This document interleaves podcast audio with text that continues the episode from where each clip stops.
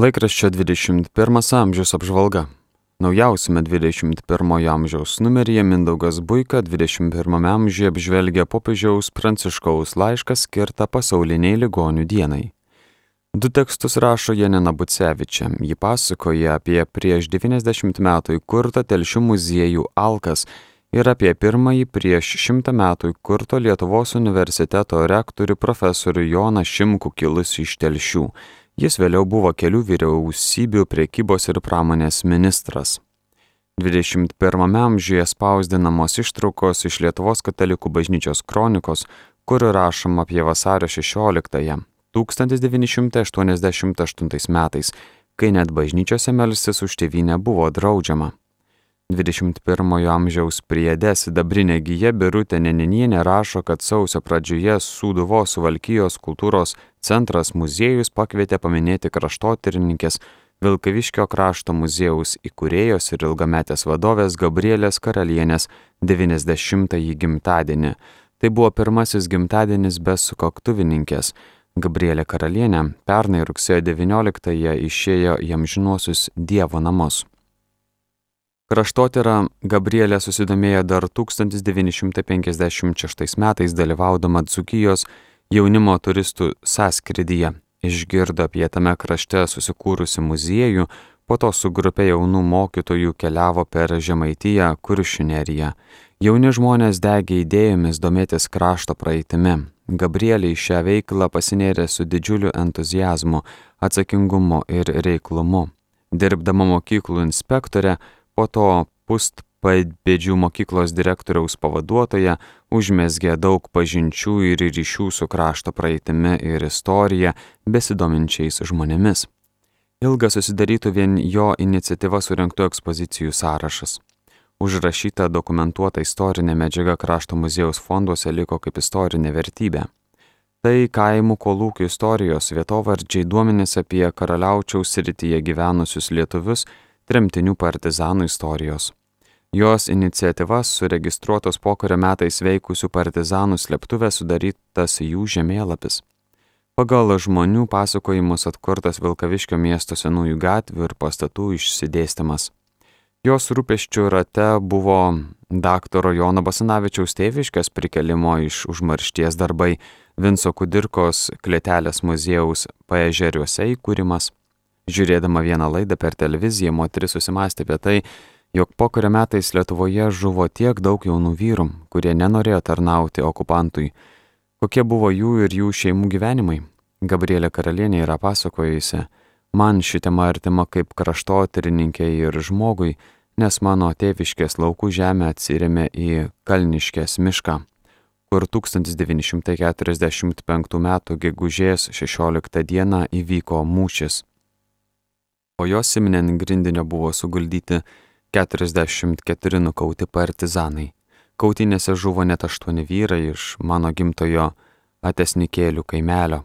Tai skaudžiai sužydė mano dar paauglės širdį, todėl ir kilo mintis parašyti jų biografijas, nes tai nėra padaryta. Suradau ir apklausiau dar gyvus liudininkus, žuvusiųjų artimuosius giminaičius, kaimynus, užrašiau jų pasakojimus, pasinaudojau muziejuose turimą informaciją. Daugybę kartų važinėjau ir vaikščiau po to krašto kaimus. Darbą pradėjau 2004 metais, nemaniau, kad taip ilgai ir giliai įklimsiu. Ilgai užtruksiu, bei tiek daug informacijos surinksiu. Visą šį darbą Gabrielė darė savanoriškai be jokio atlygio, eidama aštuntąją dešimtį varginama kojų skausmo, pati nevairuodama automobilio, o pasikliaudama suprantančių žmonių geranoriškumu visuomeniniu transportu išvažinėjo dalį Lietuvos. Kuningas Justas Jasienas praneša, kad sausio 16 dieną amžinybė iškeliavo panevežietė grafikė eks librisų karalienė vadinta Stasė Medytė. Pagal charakterį buvo lik kiek digi, kampuota, stačiokiška, nemėgo veidmainystės, prisitaikeliškumo, mažybinių malonybinių formų, netikro saldumo, gražbiliavimo. Žinojo savo vertę, darbus laikėsi stoiškai, nevaikščiojo susigūžusi, savo dvasioje buvo tvirta, pasitempusi, nesusirietusi.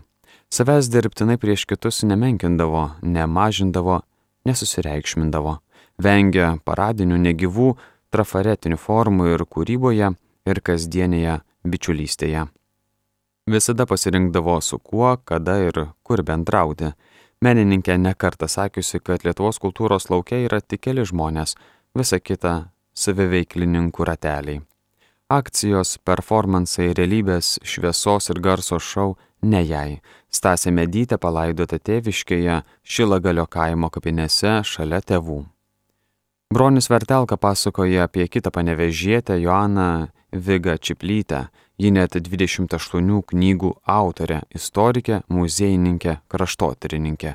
Labiausiai nusipelnė parašiusi knygas apie svarbes asmenybės, tarp kurių buvo ir jos dėdė kunigas Sibiro kankinys Kazimieras Čiplys Vijūnas. Apžvalgą parengė laikraščio redakcija. Vasario artumos pristatymas. Vasario artuma, kaip švenčiame, tai kuo tikime. Nejaugi vyksta vienybės žiedas. Retoriniu ir nebepoetišku klausimu pradedamas vasario artumos numeris. Šitaip kardinolas Audrys Juozas Bačkis kreipėsi į skaitytojus. Kai gyvename įtin įtemptų laiku, Kai švenčiame savo šalies šventes, ar įmanoma vidinė taika bei vienybė tarp mūsų pačių?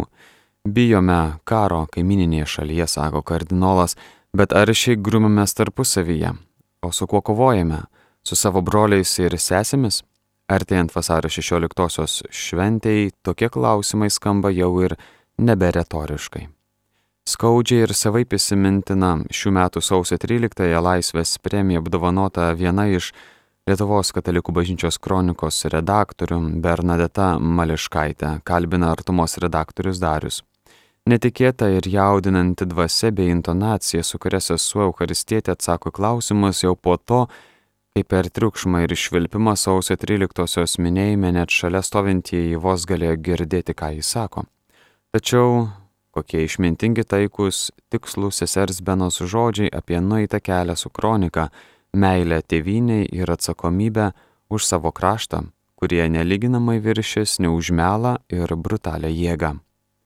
Domeikavos Lietuvos kankinių bažnyčioje po sekmadienio mišių susirinkusi viena iš parapijos sinodinio kelio grupelių aptarė temą, kaip švenčiame savo tikėjimą ir į savo pokalbį įsileido artumos skaitytojus.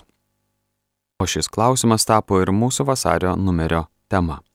Tad ar įmanoma švesti tikėjimą vienatvėje? Kaip jį švenčiame liturgijoje, o kasdienybėje? Štai vieno dalyvio mintys.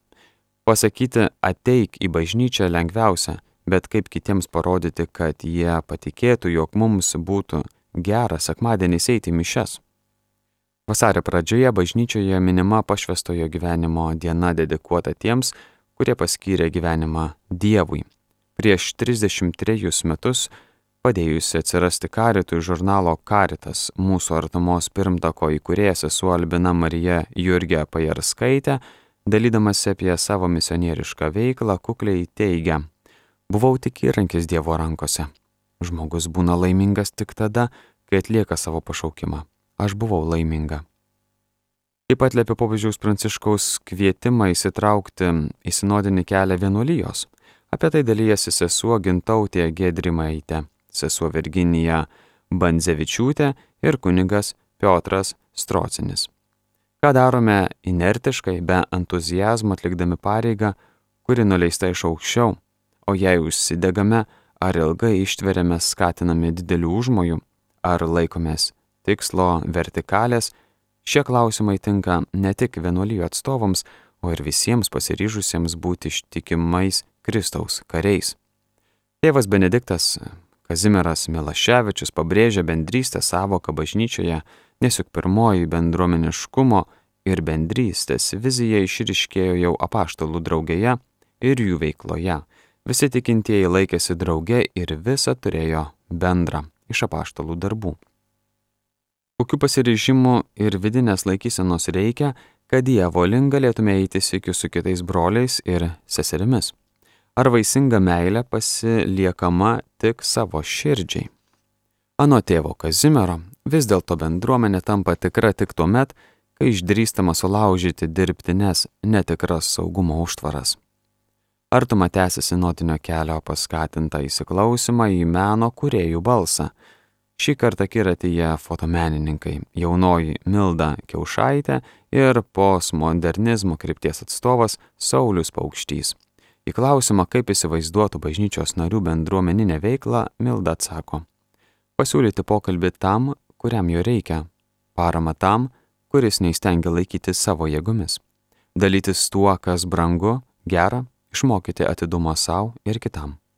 Fotografas Saulis bažnyčios nariams linkėtų nuoširdumo, sekti gyvenimo aktualijas ir nepataikauti politikams.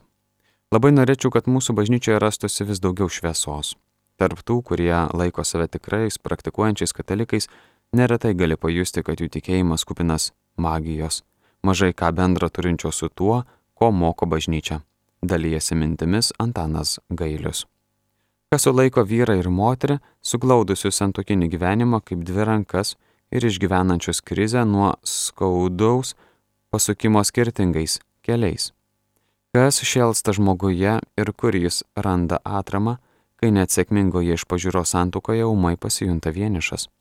Apie visus poros išbandymus vasario numeryje dalyjasi Boženos ir Jaroslavo šeima, mėginanti atsakyti klausimą, kodėl mes neišsiskyrėme. Nuo išbandymų niekas neapsaugotas, o juk šeima augina penkis vaikus. Apie tai, kas skaudina ir kas guodžia, skaitykite vasario artumoje. Apžvalga parengė Davilė Zelčiūtė.